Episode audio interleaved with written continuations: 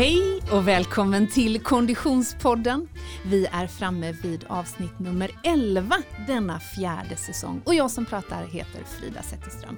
Hej Oskar Olsson! Hej Frida Zetterström! Hur är läget? Det är fantastiskt. Det regnar lite men vi är glada. Hösten är här, det är härligt. Men det gäller att keep your spirits high helt enkelt. Ja, ja. allt det blir ju vad man gör det till sig man brukar säga. Mm. Även i november. Ja. och nu är det till och med slutet av november och vi är ju snart framme inne i julmånaden. ja, men det är ju så mysigt. Jag älskar första advent, Lucia och jul. Eh, ja, fantastisk tid. Mörkt och mysigt, ljus och kanske lite julmat. This is your time of the year. Ja, lite så. Jag är lite julnörd så. Mycket, mycket härligt. Vi ska alldeles strax öppna dörren in till vår poddstudio och släppa in en efterlängtad gäst i dagens program. Men innan vi gör det så måste vi bara konstatera att vi är hjärtligt glada och tacksamma över att ha med oss vår poddpartner den här säsongen. Ja, och inget passar ju bättre eftersom att Stadium är stolt sponsor till Vasaloppet och eh, Vasaloppet eh, har ju blivit numera din största liksom önskan på, på julklappslistan. Så nu när vi har fixat detta till dig i startplats med hjälp av Stadium och tränare i form av coach Oskar och eh, inte minst Mattias Svan så eh, är det ju cirkeln är sluten, det är ju fantastiskt. Ja, fantastiskt bra. Stadium är som sagt eh, officiell sponsor till Vasaloppet och har varit i all evighet. Vi kunde ju förra avsnittet höra lite grann om Vasaloppets historia. Eh, och, och eh, Stadium har ju inte bara en mängd butiker och eh, för, eh, försäljning på internet utan de har också ett kollektionssamarbete kring just Vasaloppet. Wow. Väldigt, väldigt snygga Vasaloppsmönstrade plagg, mössor och eh, funktionskläder. Ett underställ har jag fått i rött. Mm, vad säger modegurun? Ja, men alltså jag, det här är ju, jag gillar ju när man är trogen sitt arv. Det här Ja. är ju Craft och Stadium som har en Vasaloppskollektion ihop. Eh, och eh, det blir liksom inte mer eh, Mora till Sälen-känsla än detta. Ja, de har hittat spot on där. Mm, jag är mycket, mycket nöjd med detta och vi säger tack så mycket Stadium för att vi får vara en del av det här. Och min träning då, ja, den går framåt. Så här lät det i veckan.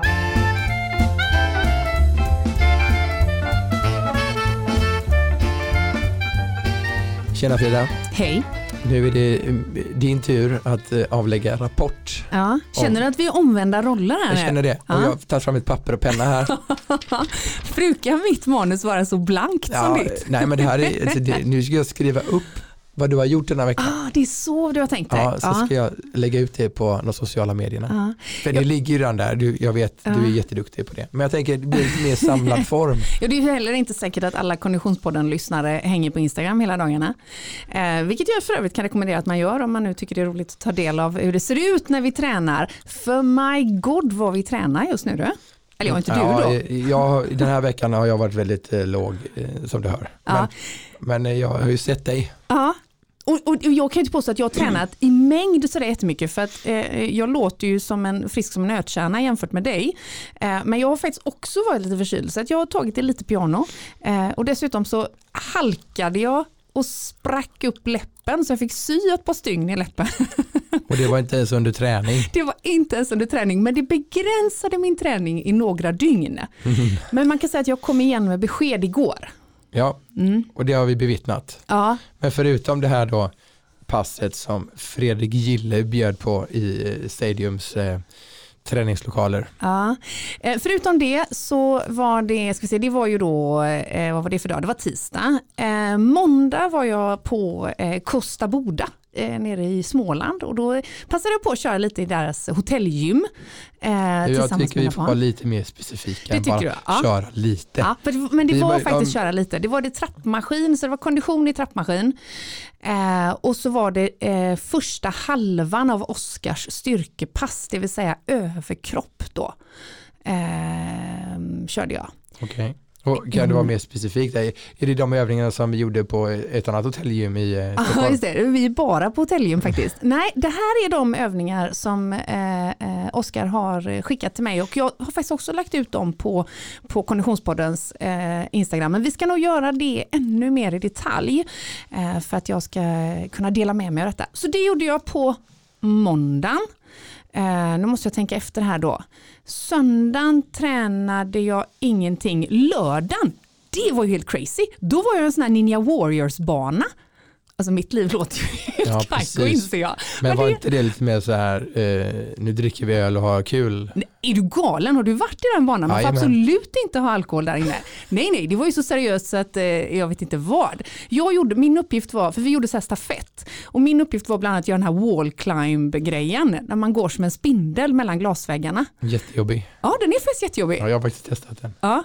Jag klarar inte hela vägen. Och du, jag klarade den görsnabbt. Där kom min gamla gymnastikkropp till, väl till pass. Inte så ofta den är väl till pass överhuvudtaget längre faktiskt, men det, där funkar det. Så lördagen var ju då ett sånt Ninja Warriors-variant och det här var ju då på sån här studsland i Göteborg på Bounce. Så det blev rätt mycket hopp och studs där också. Ehm, och nu ska vi se, då backar vi tillbaka ännu mer. Nu tappar jag lite kollen Har vi här. någon stakmaskin? Har vi, kan vi liksom lägga till Eh, några meter vi var stakning? inne, ja, på torsdagen, eh, nej, torsdagen var det väl som vi, eh, som var i vanliga gymmet hemma i Kungälv. Och då körde jag faktiskt inte stak, då körde jag eh, kondition i roddmaskin. Men det var ändå lite liknande kände jag. Körde eh, en ordentlig omgång där. Får Och- fråga varför? Varför då? Varför väljer du rodd istället för Ja, stak? jag, det var, jag tror faktiskt att jag hade träningsverk för inte så långt innan det var jag hos Oskar och körde på i stockmaskinen. Det var i och för sig inte så avancerat för då var jag lite förkyld så att det var mest teknik. Herregud vad han är inne och petar på hur jag har armbågarna, hur jag sätter rumpan, hur jag eventuellt böjer vissa knän. Eh, Men det är väl det som ska ta mig hela vägen från Sälen till Mora kanske. Jag kan nog lova att du kommer tacka Oskar att han har varit lite Jag petig. tackar alltid Oskar när han inte hör. det är bra. Mm. Okej, så då lägger vi, då summerar jag här veckan. Stakmaskin hos Oskar Ja, med teknik. Ja. Roddmaskin i gymmet. Ja. Ninja Warriors för eh, eh, längdskidåkning. ja exakt. Ja, Precis. climb waller, Ja. bra överkropp också kanske. Ja.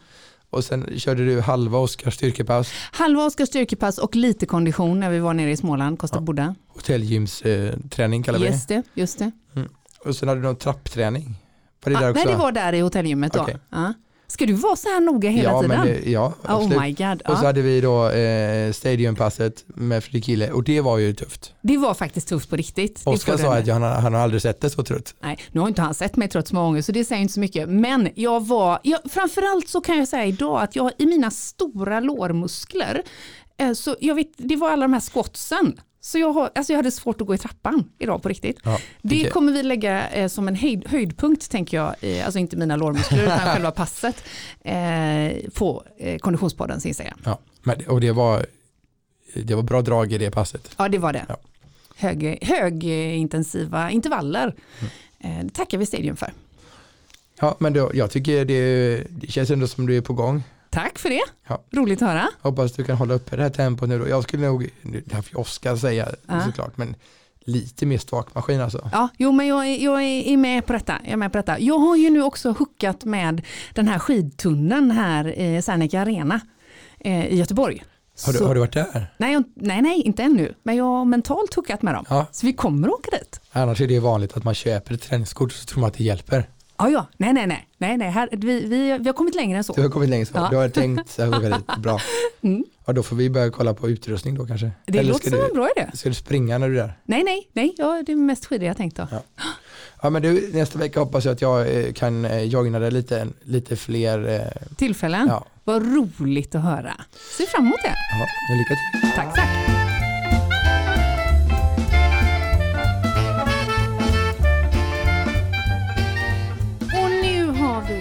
Besök inne i poddstudion. Ett efterlängtat besök som i ärlighetens namn har planerats i dagar, veckor, månader. Och då är det ändå en göteborgare. Hej och välkommen Monica Björn. Hej, jätteroligt att vara här till slut. Ja, För att det är ju inte helt lätt, även om man bor i samma stad, Nej. att få till tre personers schema. Nej, lite så är det ju måste jag säga och eh, eh, helt ärligt så är det klart att eh, så som ditt eh, arbetsschema sett ut det sista eh, har det varit lite tajt. Vad gör du hela dagarna Monica? Ja, jag frågar mig själv ibland. Vad gör jag hela dagarna? Eh, jag har ju ett väldigt varierat jobb, vilket gör att det är egentligen så att ingen dag är den andra dagen lik.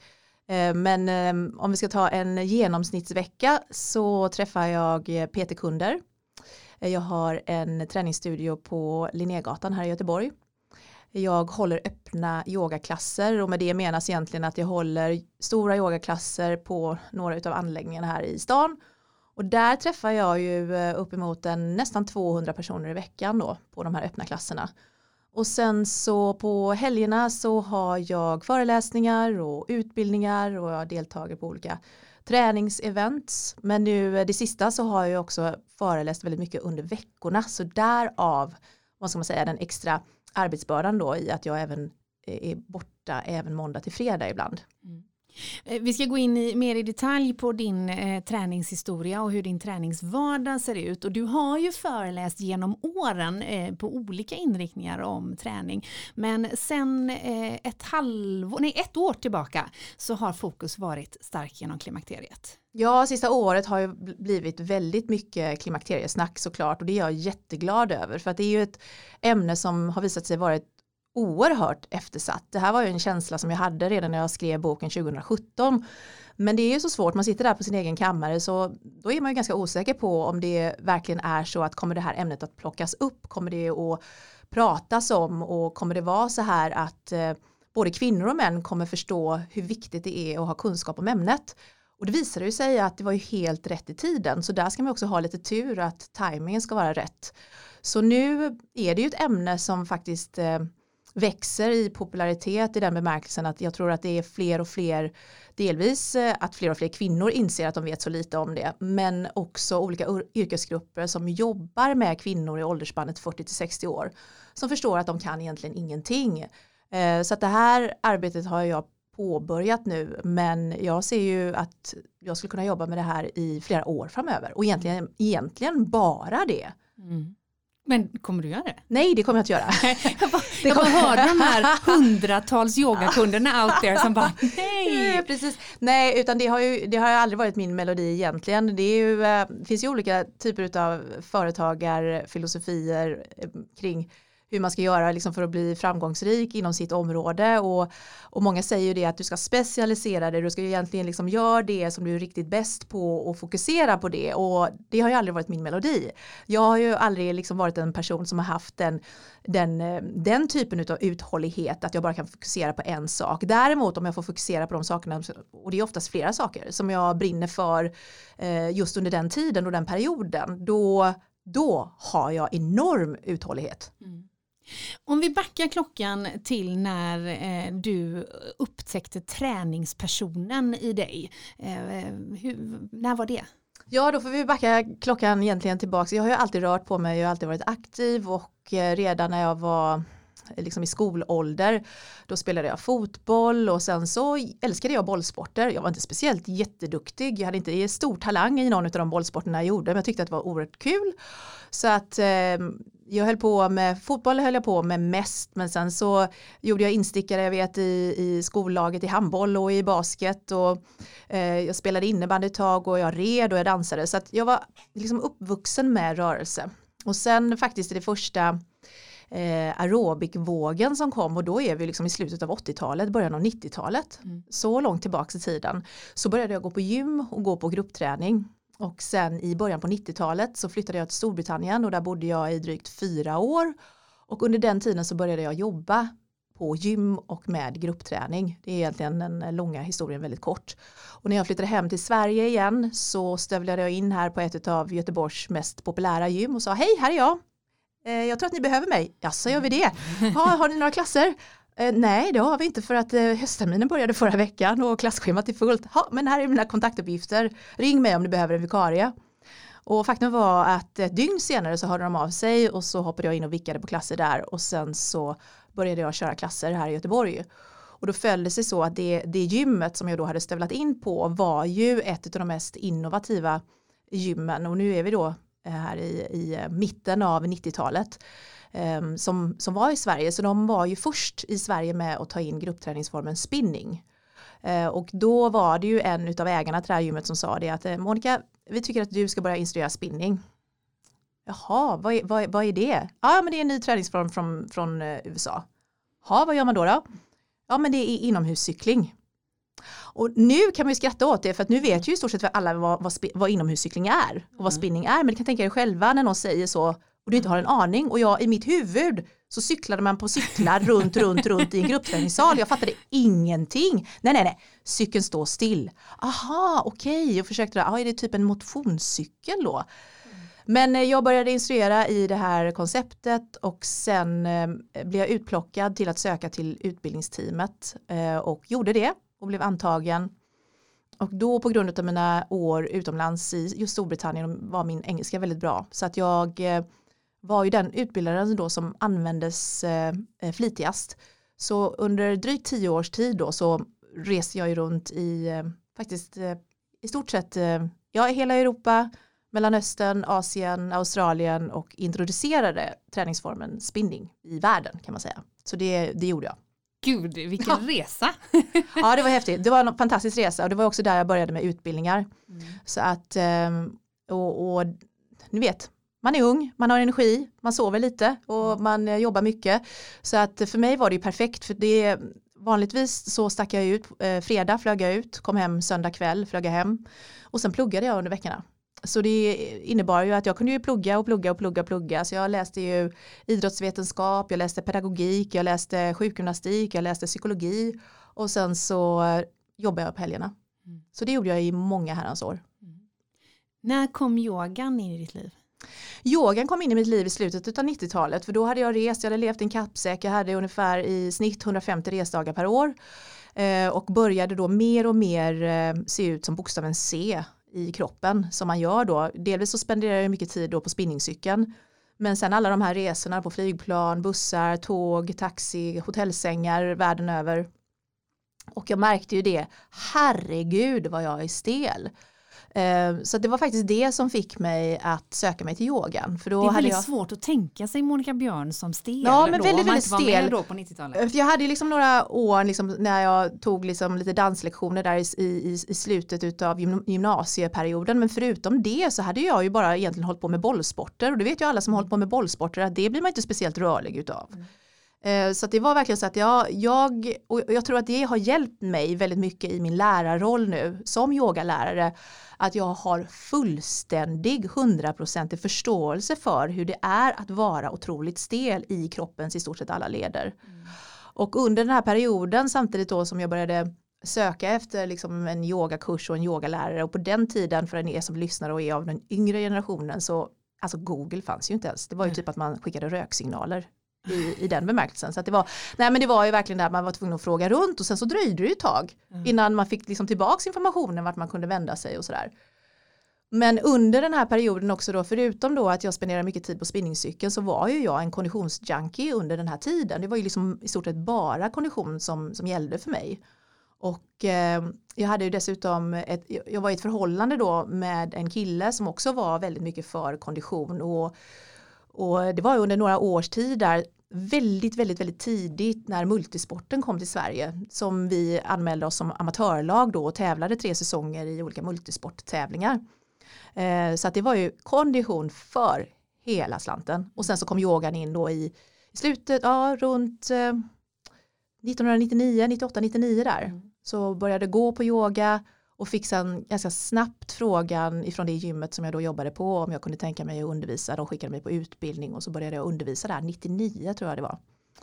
Och sen så har yogan liksom gått parallellt då med alla, an, alla annan aktivitet som jag har hållit på med sen dess kan man säga. Mm. Du som har undervisat och mött liksom slutkonsument under så, så pass lång tid får man ändå säga. Märker du någon form av attitydförändring till sådana saker som gruppträning och, och liknande? Alltså det, är så, det är ju så intressant om man tänker sig då att jag började jobba heltid med gruppträning redan 1991. Då har man ju sett egentligen alla trender komma och gå. Mm. Eh, så att det kommer alltid finnas utrymme för alltså gruppträning. Det är 30 år snart. Ja, det är verkligen det. Ja, hur gammal är du? 43, 44 som Frida. Nej, jag är 49 i år. Mm, så jag är 49 så fyller 50 nästa år. Eh, och när man har sett då trender komma och gå, då då vet man gruppträning är här för att stanna. Gruppträning mm. kommer alltid att finnas i en eller annan form. Eh, och eh, man är också ganska så snabb på att förstå om någonting är en trend. Mm. Det vill säga det kommer att hålla i ett, ett och ett halvt år och sen så kom, om inom fem år så kommer folk bara så här, jaha den trenden, ja den kommer jag ihåg. Eh, och eh, man är också ganska så hyfsat bra på att kunna gissa sig till vilka saker som kommer finnas kvar. Mm. Och det är också så här att det finns alltid en pendel inom gruppträning där eh, ma- man kan följa den här eh, trenden kring att eh, det ska vara tuffare klasser, tuffare klasser, tuffare klasser, crossfit. Mm. Och sen när pendeln är liksom längst ut åt liksom det tuffa, hårda, intensiva träningen, då vet man att det finns utrymme för pendeln att långsamt börja ta sig tillbaks till det som är kanske då meditation, väldigt lugn yoga, avslappning, kroppsskanning, eh, Mm. mindfulness. Mm. Mm. Och jag tror att det där är väl den största skillnaden idag, att den här, den här pendelsvängningen som, man, som jag har sett under de här 30 åren, den blir kanske inte riktigt lika tydlig, utan nu finns det ett, ett större utrymme för gruppträningsklasser i båda ändarna utav spektrat att ta plats. Mm. Mm. Men det det är är ju med tillgängligheten i samhället att göra med, till, generellt. ja, med kanske. tillgängligheten att göra, att vi också nu då har ett större utbud idag. Alltså tidigare så kanske det fanns ett visst antal eh, gym eller träningsanläggningar och eh, de har har ju liksom begränsad plats på sin, på sin timplan. Mm. Vilket gör att de kan styra väldigt mycket vad utbudet är. Så finns du inte där så finns du inte. Mm. Medan idag så finns det en större tillgänglighet att vi också ser mindre boutiquegym då som det kallas som erbjuder spe- väldigt specialiserade klasser oavsett om det är en yogastudio som man egentligen skulle kunna säga är en typ av boutiquegym Ehm, eller ta eh, Barry's eh, till exempel i Göteborg då där de kör bara sitt koncept Mm. Mm. just där.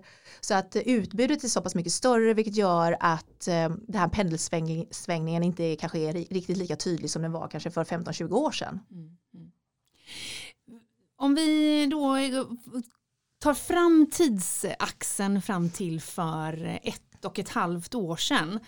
Befinner vi oss i rätt tid när du skrev då? För du- Ja, för du släppte- 2017, eh, våren 2017 började jag skriva på boken. Mm. Mm. Och då, då eh, vad var det som föranledde att du gav dig i, i kast med detta? Det var helt enkelt att jag efter många om och men förstod själv att jag befann mig i förklimakteriet och det tog ganska lång tid för mig att förstå det och det var verkligen så här att det var inte förrän ungefär 25 val- värmevallningen som jag insåg att jag inte höll på att bli sjuk. Nej. För det var det jag trodde höll på att hända. Ni vet den här känslan när man känner sig lite hängig. Man är lite så här, är jag inte lite varm?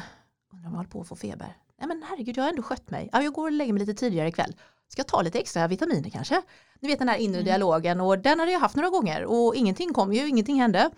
Så det var väl där runt 25 vallningen som det verkligen var så här trögt i mig att erkänna att skulle det kanske kunna vara, nej det kan det inte vara, det finns inte möjlighet.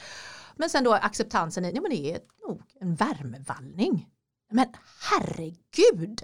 Och det blev ju en otrolig chock för att det, det krockade ju liksom med den identiteten man har i sig själv där min kropp är mitt arbetsredskap. Jag kan min kropp utan och innan, jag lever i varje cell i min kropp varje dag. Så, så för oss som jobbar med träning så varje, varje lilla skiftning är ju en, en a big deal för oss. Vi, vi, vi känner ju efter så himla mycket. Och då var det ju så här att när jag väl, accepterade då, nej men det är väl så då, så var ju nästa steg, okej vad kan jag om klimakteriet? Man får värmevallningar och svettningar. Jag tänker på en gråhårig tant som går väldigt långsamt över ett övergångsställe när jag tänker på klimakteriet. Och det är ju inte jag. En Eh, bit ifrån ja, så att, så liksom det, det var ju det som föranledde mig att börja researchen kring klimakteriet och när jag väl gjorde det då började jag googla på böcker för jag är en bokmal, kunde inte hitta en enda bok som inspirerade mig eller som kunde erbjuda det jag var ute efter. Och då hade jag ju redan släppt en bok som heter Yoga för dig som tränar som, var skri- som är skriven för stela män och kvinnor som tränar mycket både kondition och eller styrka. Eh, Så att jag hade ju redan en förläggare, jag hade ett förlag, jag låg på, och ligger på Norstedts. Så jag tog kontakt med min förläggare och jag har en idé, jag vill skriva om klimakteriet, jag vill skriva en bok som inte finns idag på marknaden. Ja, gud vad bra och hjälp blev det ju då. Och sen eh, väldigt, väldigt snabbt så hade jag ett, eh, ett bokkontrakt Mm. och eh, sen var det ju så här att jag skrev ju den här boken mitt under mitt eget brinnande förklimakterium och då först kunde jag ju gå tillbaks i tiden och se många andra tecken på förklimakteriet som jag då hade haft under nästan ett års tid Mm. eh, och se sam, sambandet och sammanhanget och det är ju väldigt intressant då för när jag är ute och föreläser. Jag föreläser ju verkligen för alla typer av kvinnor, både kvinnor som, som absolut inte tränar, kvinnor som tränar lite och kvinnor som, som eh, har befunnit sig liksom på elitidrottsnivå. Och gemensamt för alla de här kvinnorna är ju att det är ju inte en enda av de här kvinnorna som, som eh, någonsin har sagt att jag visste vid första symptomet att jag befann mig i klimakteriet. Det, den kvinnan finns ju inte. Mm. Och eh, det är också intressant att även om symptomen är väldigt, väldigt individuella och eh, behandlingsformerna, vad som funkar och vad man vill committa till, det är också väldigt individuellt. Så att det är väldigt svårt att jämföra en kvinnas resa med en annan kvinnas resa. Mm. Men det är ändå intressant hur många hundratals, för att inte säga tusen kvinnor som kommer med feedback kring gud vad jag kan känna igen mig i så mycket. Och eh, eftersom det här är en, en en podd som är riktad mot eh, människor som tränar. Mm. och vi pratar just kring den gruppen av kvinnor som tränar så är ju upplevelsen så otroligt lik på hur man fattar ingenting men helt plötsligt så svarar inte kroppen på samma sätt som den brukar göra. Och ens träningspass känns helt annorlunda. Och man börjar liksom felsöka har jag sovit dåligt, är jag stressad, har jag ätit annorlunda, har jag pressat mig extra mycket nu de sista veckorna? Varken intervallpassen eller distanspassen känns alls så som det brukar göra och det första som de flesta kvinnor tänker då är ju att jag håller på antagligen bli sjuk, jag har ett virus i, kroppen eller det är mm, någonting mm, mm, annat externt. Och sen så fortsätter den här perioden och den går inte över. Så, så det är ju någonting som har ut, utvecklats under det här loppet, både med sen boken blev klar och sen jag började hålla föreläsningar. Det är ju verkligen herregud vilket tomrum det finns, både hos oss kvinnor själva rent kunskapsmässigt, men också hos de som tränar och coachar kvinnor.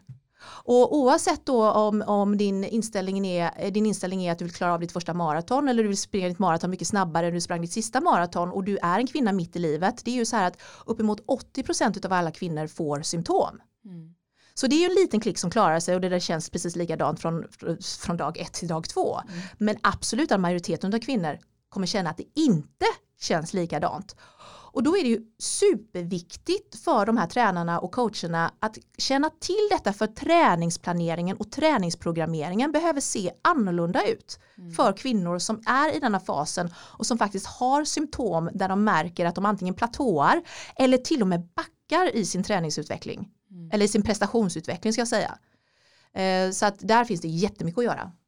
Men vad, hur upplever du att liksom träningssamhället tog emot din bok och din kunskap? För Oskar och jag blev nästan lite osams här ute förut när vi researchade dig. För att nu, du, Oskar har ju kunskap om det mesta kring kroppen och sa men det här pratar man väl om? Eller du sa, jag har inga problem att prata om detta. Och, och, det, eh, och jag känner förvisso likadant, men det, hur känner du att liksom, träningssamhället tog emot det? Nej, men jag måste ändå säga att jag är positivt överraskad. Jag är positiv, ö, positivt överraskad i den bemärkelsen att jag trodde att det skulle ta längre tid. Mm. Jag trodde det skulle längre, ta längre tid och jag har fått visst mothugg men otroligt lite ändå med tanke på hur många människor jag ändå har nått ut till nu. Och det intressanta med det eller sorgliga. Det beror ju lite grann på hur man ser det. Och jag vet att, och jag, jag, jag har skrivit inlägg om det, jag har haft många eh, tränare och coacher genom tiderna som har varit män och fantastiska coacher. Fantastiska coacher. Eh, men just i det här fallet var det lite sorgligt att den som då gav mothugg på ett av mina inlägg var ju en, en, en manlig personlig tränare mm. i 20-årsåldern. Den här ni vet stereotypa bilden som man kan ha då utav en, utav en PT. Ung i viril ålder som antagligen antagligen tränar många kvinnor i det här åldersspannet för tittar vi på just personlig träning idag så vet vi svart på vitt att på de stora gymkedjorna i Sverige idag så är kvinna i medelåldern det är den största enskilda kunden. Vi lägger mest miljoner på att köpa PT-timmar mm. på Sveriges största gymkedjor idag. Och då är det så här att ja, hur ser det ut på PT-utbildningarna? Är det mest kvinnor eller är det mest män? Andelen kvinnor ökar men det är fortfarande flest killar som går PT-utbildningar. Mm.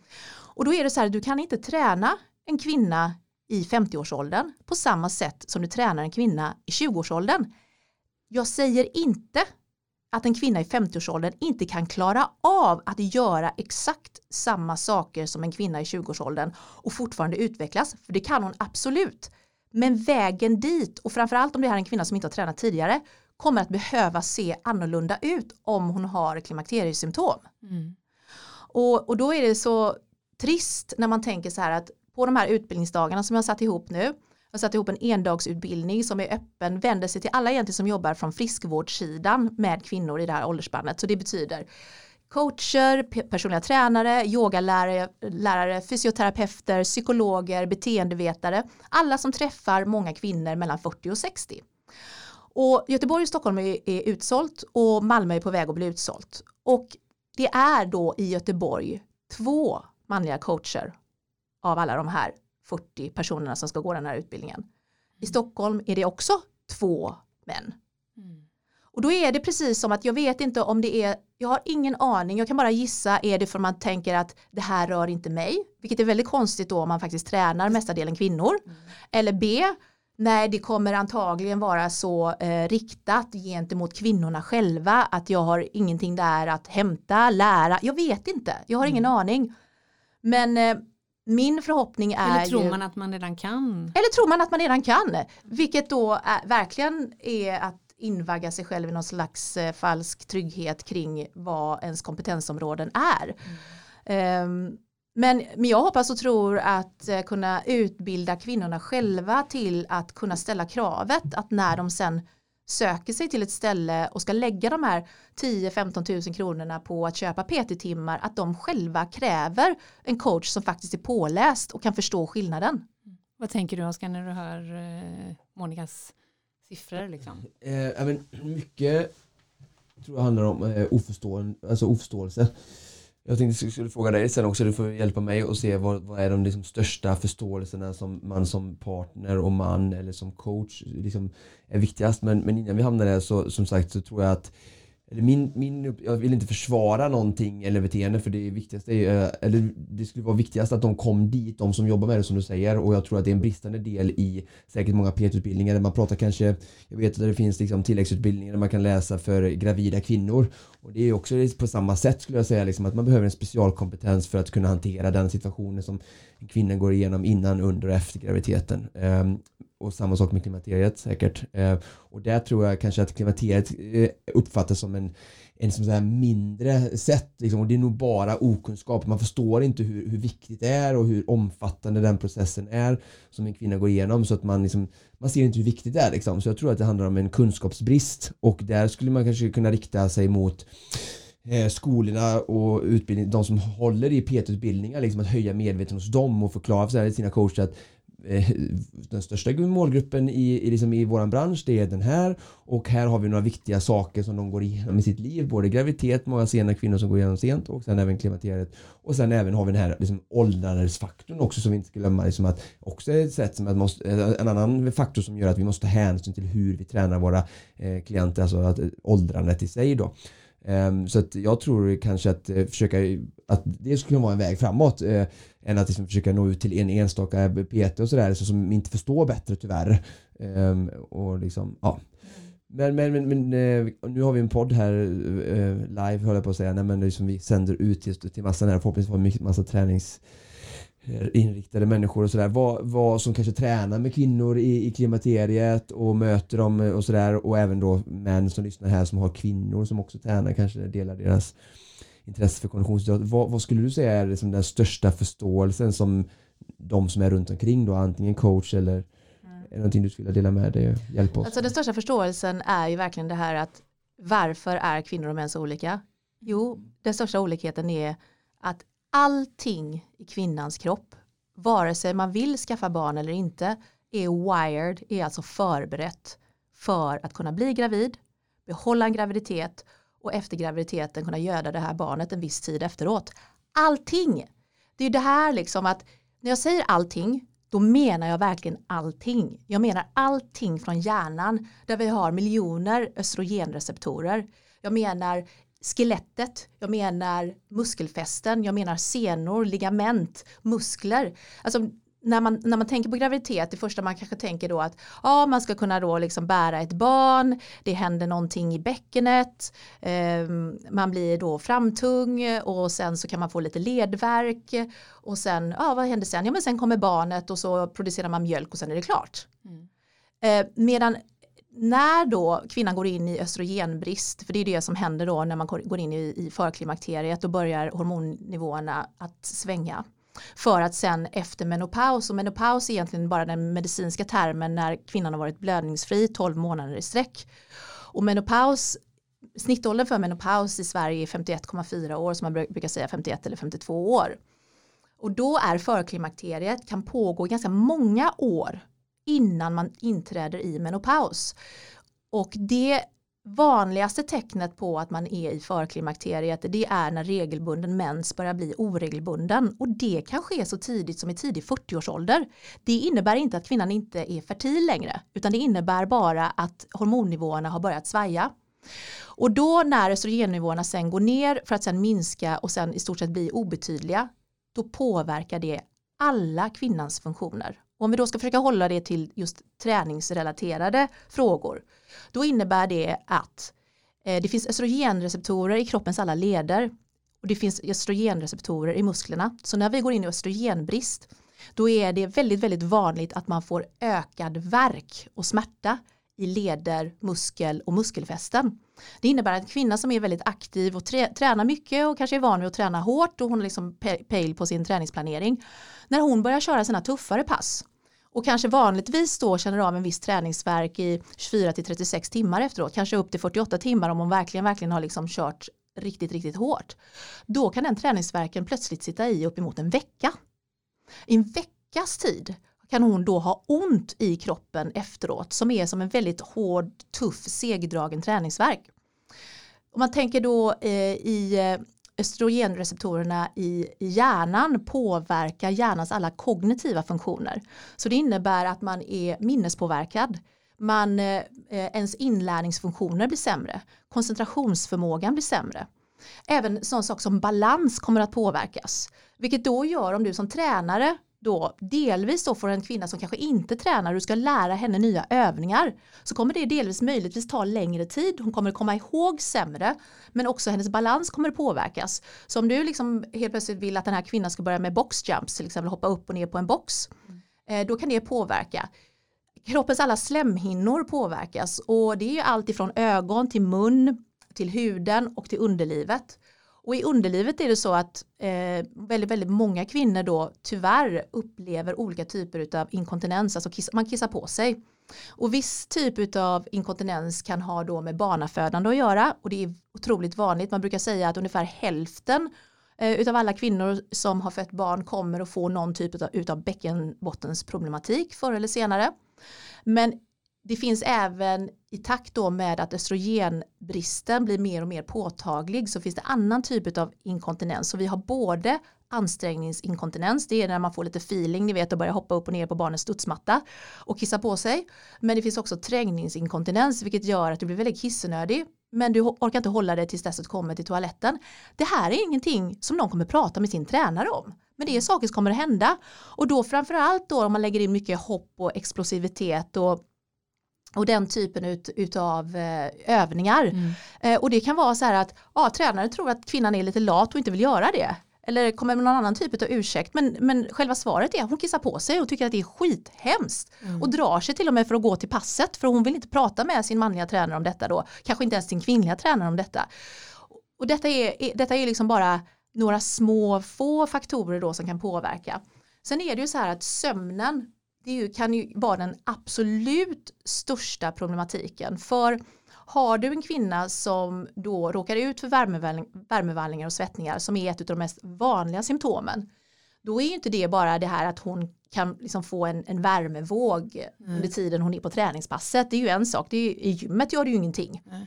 Ehm, men det är lite värre om hon står på ett, på ett viktigt jobbmöte och håller en presentation. Hon blir helt sjöblöt och egentligen behöver gå ut och byta kläder. Mm. För att det, det har, hon har svettats igenom alla kläder hon har på sig.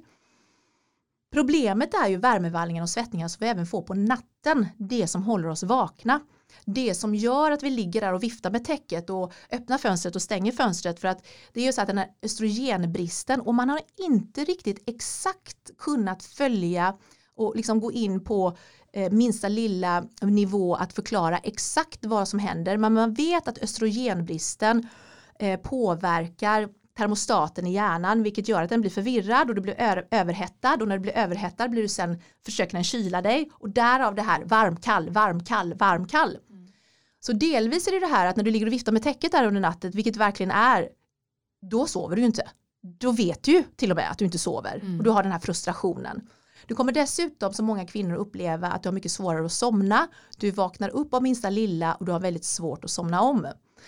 Dessutom är det så här när man väl då har, det finns ju forskning gjord på kvinnor i klimakteriet men den är, är, är, är skämmigt få studier gjorda med tanke på att halva jordens befolkning ska drabbas.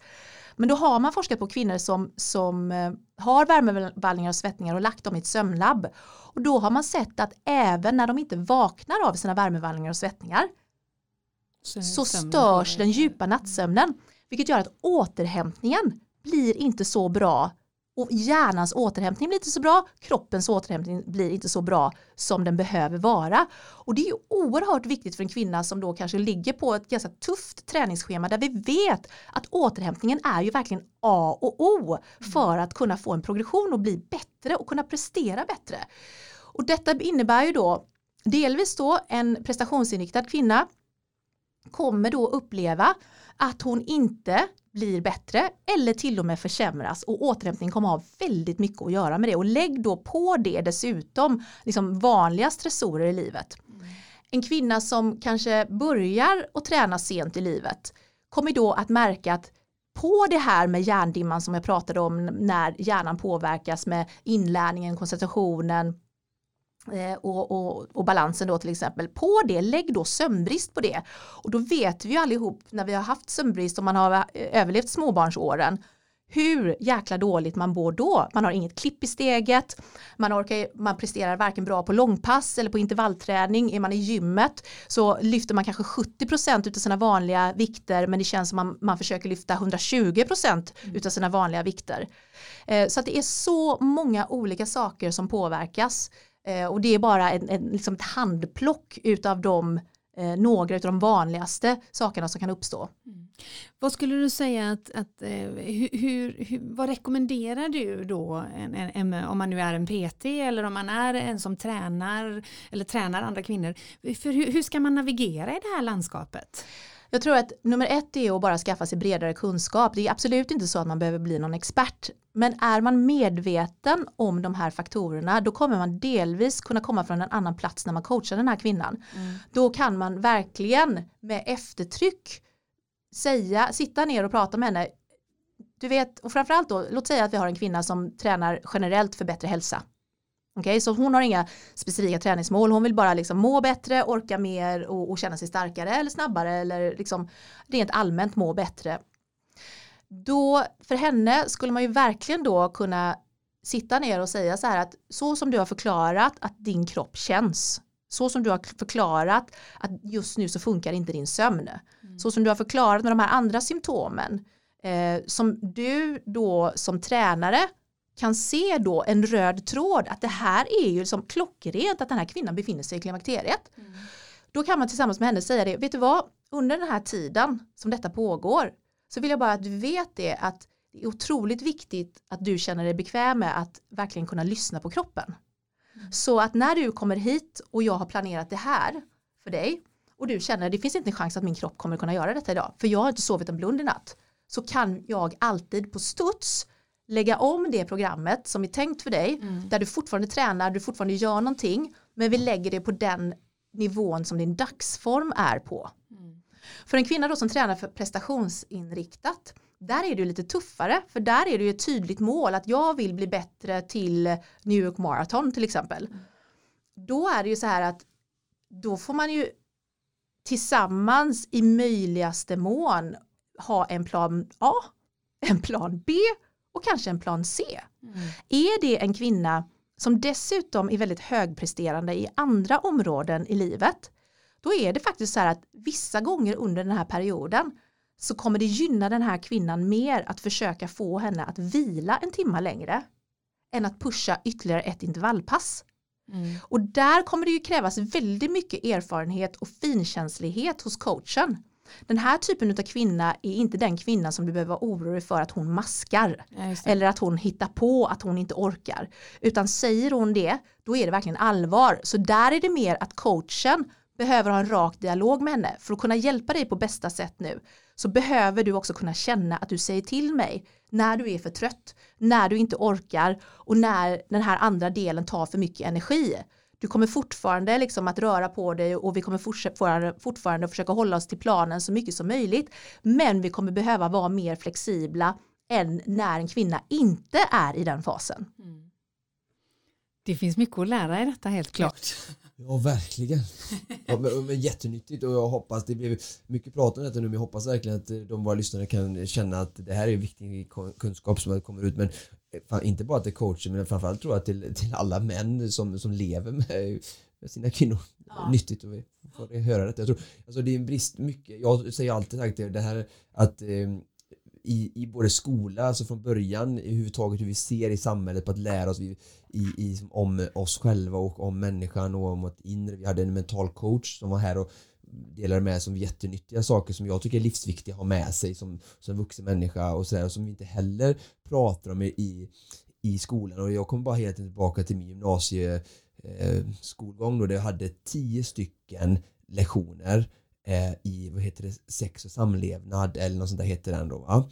I tredje ju året på gymnasiet och det var, som, det var tio tillfällen och det skulle typ täcka allt liksom. Ja.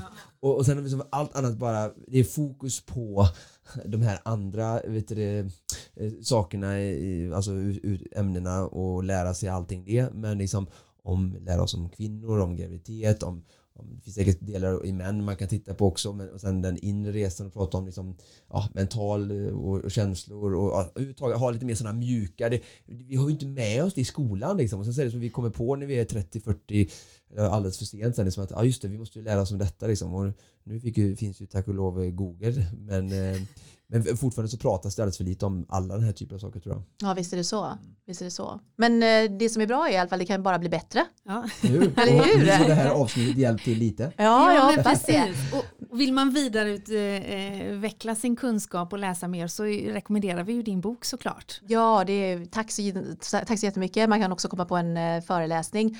Eh, jag skulle vilja lägga till en sak till både ja då, kanske då framförallt då till, till kvinnor som lyssnar och eh, till kvinnor som verkligen ser sig själv som, som löpare. Det är, det, som, det är deras passion, det är det man brinner för, det är det man har fastnat för och det är det man har ägnat sig åt liksom i, i större delen av sitt vuxna liv. Och till er skulle jag vilja säga det är verkligen fortsätt spring, fortsätt att spring prestationsinriktat. Eh, om jag skulle ge ett råd på vägen i den här åldern från 40 och framåt det är verkligen att göra ett utrymme i din träningskalender även för styrketräning och rörlighetsträning. För eh, det är ju verkligen så här att, eh, och det har inte med klimakteriet att göra och det har ni säkert pratat om i ett tidigare poddavsnitt, men av det naturliga åldrandet, att vi tappar muskel, muskelmängd eh, och muskelmassa.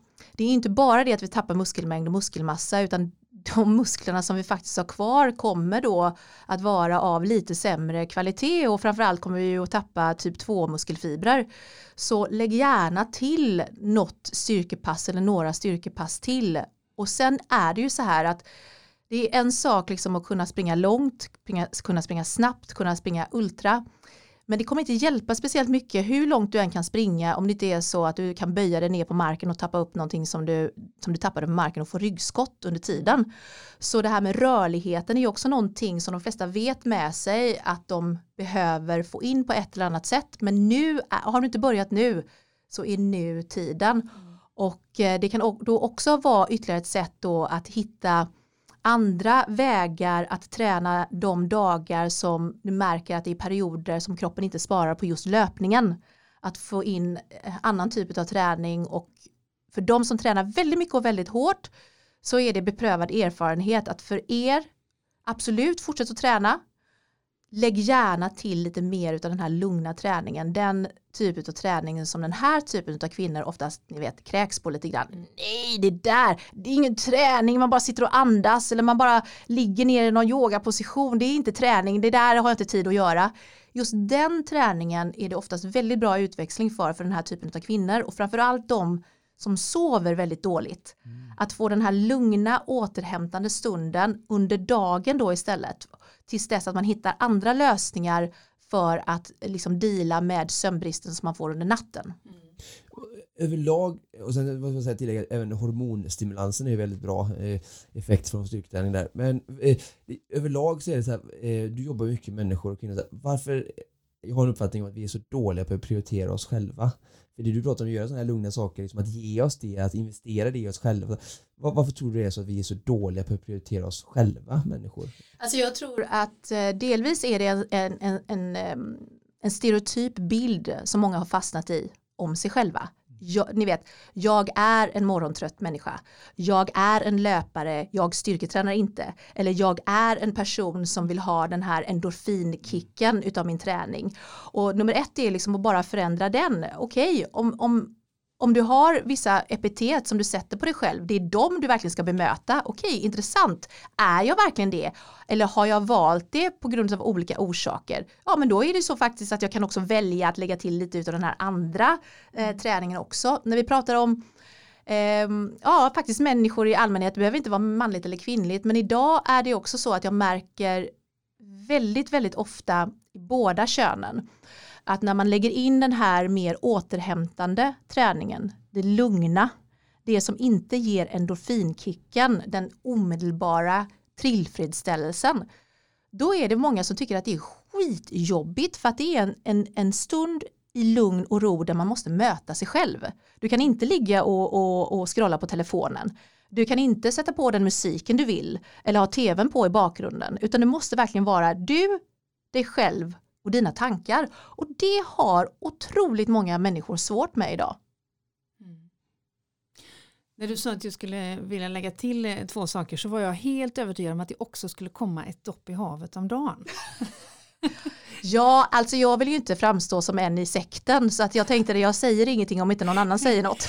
Alltså om man, om man följer eh, Monica Björn på Instagram eller bara överhuvudtaget befinner sig i samma stad som Monica Björn så får man ta del av, eh, Monica badar i havet varje dag i stort Mm, sett. ja, Ja, Jag har, som, jag, jag har som rikt, riktlinje att eh, två, två gånger i veckan minst. Ja. Allting utöver det är en bonus. Just det. Ja, och eh, det, runt, alltså. jag är ju verkligen den sista personen egentligen eh, som trodde att jag skulle bli en vinterbadare. Jag vill verkligen tillägga det för att jag är en av de mest frusna personer som jag känner. Och, eh, Vi är ju lite själsfrände i detta, det frusna. Så att jag är Ja, liksom inte, väldigt, ja. väldigt. Och då menar när jag säger det så menar jag verkligen det. Det är verkligen så här att mina närmsta och mina nära och kära, de är fortfarande i chock nu, tre år senare. Och eh, anledningen till att jag började med kalla bad var för i min research till boken, eh, då är det ju så här att nedstämdhet, letargi, depression, det är vanliga symptom då på förklimakteriet hos kvinnor. Och jag kunde märka hos mig själv som är en väldigt energisk positiv person att jag började bli väldigt dämpad och jag började få en viss oro i kroppen som jag aldrig någonsin hade haft tidigare. Och jag kunde inte heller sätta fingret på det och mitt liksom bästa sätt att förklara hur det kändes var att jag kände inte igen mig själv och det är ju väldigt så här flummigt men det var någonting som inte stämde. Och då i mitt researcharbete eh, då hade jag också eh, stött på Wim Hof i många otaliga sammanhang. Och Wim Hof är urfadern till kalla bad kan man säga. Han kallas också för The Iceman och han är, är känd för att ha bestigit eh, Mount Everest i shorts och andra galna saker och massa olika typer av världsrekord. Och eh, när jag läste på lite mer om kalla bad då var det två saker som verkligen fastnade där för mig. Och eh, det var delvis att det är en humörhöjare för att det stimulerar både adrenalin men även endorfiner. Och den lilla forskningen som faktiskt är gjord på kalla bad har då visat, även om det är väldigt små, små studier, att det hade en verkligen signifikant effekt på immunförsvaret. Att stärka immunförsvaret och det var verkligen löjligt hur mycket det stärkte immunförsvaret. För den här lilla testgruppen då injicerade man med ett av de mest starka och potenta förkylningsvirus som finns. Och de blev inte sjuka. Medan de i gruppen som inte kallbadade, Hur ofta kallbadade de? Hur ofta fick de ja de här var ju Wim Hoffare. Så de, eh, de eh, kallbadar ju i stort sett en gång om dagen då och ganska långa sessioner. Eh, de är ju i vanligtvis 10 minuter eller mer. I fyra gradigt vatten? Ja, i, i, verkligen i isbad då när man Mm, lägger i isbitar, precis. Eh, och eh, den andra gruppen där blev alla sjuka. Ja, okej. Plus att jag började få väldigt torr hud, också väldigt vanligt förklimakteriesymptom och jag har lite så här eksem-variant liksom. Så tänkte jag, ja, nej, det där är inte för mig. Men jag kan i alla fall börja med kalla duschar, för jag var en person då, eftersom jag är så frusen, så jag går, gick ju igång på, ni vet, så här, skållhett vatten. Mm. Där när min man kom in i duschen efteråt, han bara, Monica du måste sänka temperaturen, jag på att bränna av armen när jag kom in i duschen. Så jag började med kalla duschar och höll på med det i nästan ett år. Och i slutet av det året märkte jag att jag fick inte samma effekt längre. Alltså det kändes inte lika kallt längre. Och då var det i februari och det här var för tre år sedan. Så att jag bara, nej men det är ju bara att bita det sura äpplet och, och, och testa vad, vad, vad, kan hända liksom. Och det, värsta, det här är ju det värsta då med, och innan jag gör två krokar i luften, med vinterbad och kalla bad, det är ju att det är beroendeframkallande. Mm. Det är totalt beroendeframkallande. Så i två vintrar nu så har jag inte haft en enda förkylning. Jag brukar bada, älskar, jag simmar ganska ofta. Mm. Eh, och eh, är ganska varm efter man simmar ju 27-28 grader vatten där i poolen, 27,5 i Valhalla. Mm. Så brukar jag gå i, de har ett sånt eh, romerskt bad där på herrarna så jag vet inte hur det är på damerna så jag antar att det finns samma. Eh, och så brukar jag vara där i typ 2, 3, 4 minuter sådär. Tycker det är jätteskönt.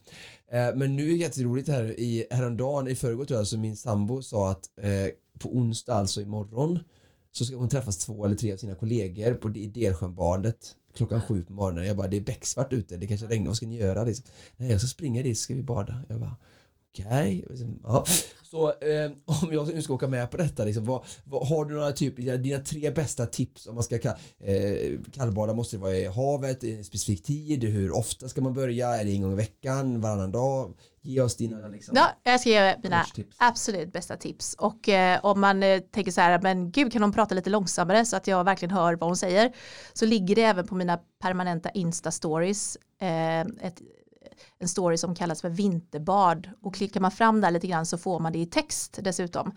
Vad heter du? Monica Björn? Ja, Monica Björn, jag heter mitt namn. Eh, Monica med K. Eh, mina bästa tips det är det spelar egentligen ingen roll var du börjar. För någon som tycker att det är för stort steg att börja i sjö eller hav, då kan man börja i sin egen dusch hemma. Mm. Och eh, till exempel för dig Frida då som säger att du är en väldigt, väldigt frusen, otroligt frusen person, där skulle absolut mitt tips vara att börja i duschen hemma. Mm. När du börjar i duschen hemma så duschar du som vanligt och gör det du ska göra om du ska tvätta håret och smörja, eller liksom tvätta av dig. Och sen så är det bra om du har en handdusch och då sätter du ner den så att du, känner, så att du tycker att det är kallt. Och sen så för du handduschstrålen och den behöver inte vara speciellt hård över ena armen upp mot nyckelbenet och sen eh, samma sidas ben. Och sen går du över på andra sidan, andra armen, andra sidans ben. Så gör du den några gånger liksom så här. Och det här är väl då nyckeln kan, kan jag själv tycka.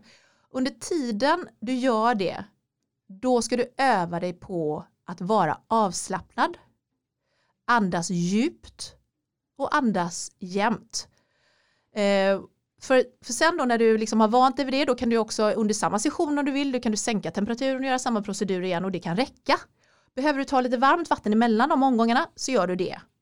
Utifrån det sen så kommer du börja sätta en timer eh, inne i badrummet och så tar du handduschen fortfarande och så för du den över kroppen, alltså inte bara på ett ställe i, och så sätter du, börjar med 30 sekunder. Eh, mitt tips är att inte ta det kalla vattnet på huvudet. För det är så här, är du väldigt känslig och du har eh, problem med blodtrycket så kan du faktiskt svimma av om du har tillräckligt kallt, huvud, eh, kallt vatten över huvudet en längre tid. Du kan känna dig svimfärdig så att det rekommenderar jag inte. Och det är samma sak då, vill du börja i sjö eller hav, spelar ingen roll om du kör i sjö eller hav. Okej, bra. Så eh, Delsjön går bra? Ja, det går jättebra. Det är något, och nu gör jag krokar i luften igen, det är något lättare om det finns en stege att gå ner ifrån och hålla dig i. För jag simmar ju inte, jag är stilla i vattnet. Okay. Eh, och hålla dig. Ja, ja, det är också för att det är, delvis är det en säk säkerhetsaspekt, mm. men det är också för att jag vill åt det meditativa. Mm. Och jag vill åt eh, ett, eh, ett, djup, ett djupandetag där jag verkligen jobbar med andetaget och avsmalnat fokus och medvetenhet och allt det här. Så att det blir som en eh, meditation i vattnet kan man säga. Men det är definitivt också en säkerhetsaspekt för jag är en person som gillar att bada själv. För jag, jag, vill inte behöva prata med någon när jag sitter där i 6-gradigt vatten eller 4-gradigt vatten utan jag vill vara helt fokuserad på, på att bara andas och att bara vara. Och då är det, vad är rätt mindset när du går i vattnet? Så att du är lugn.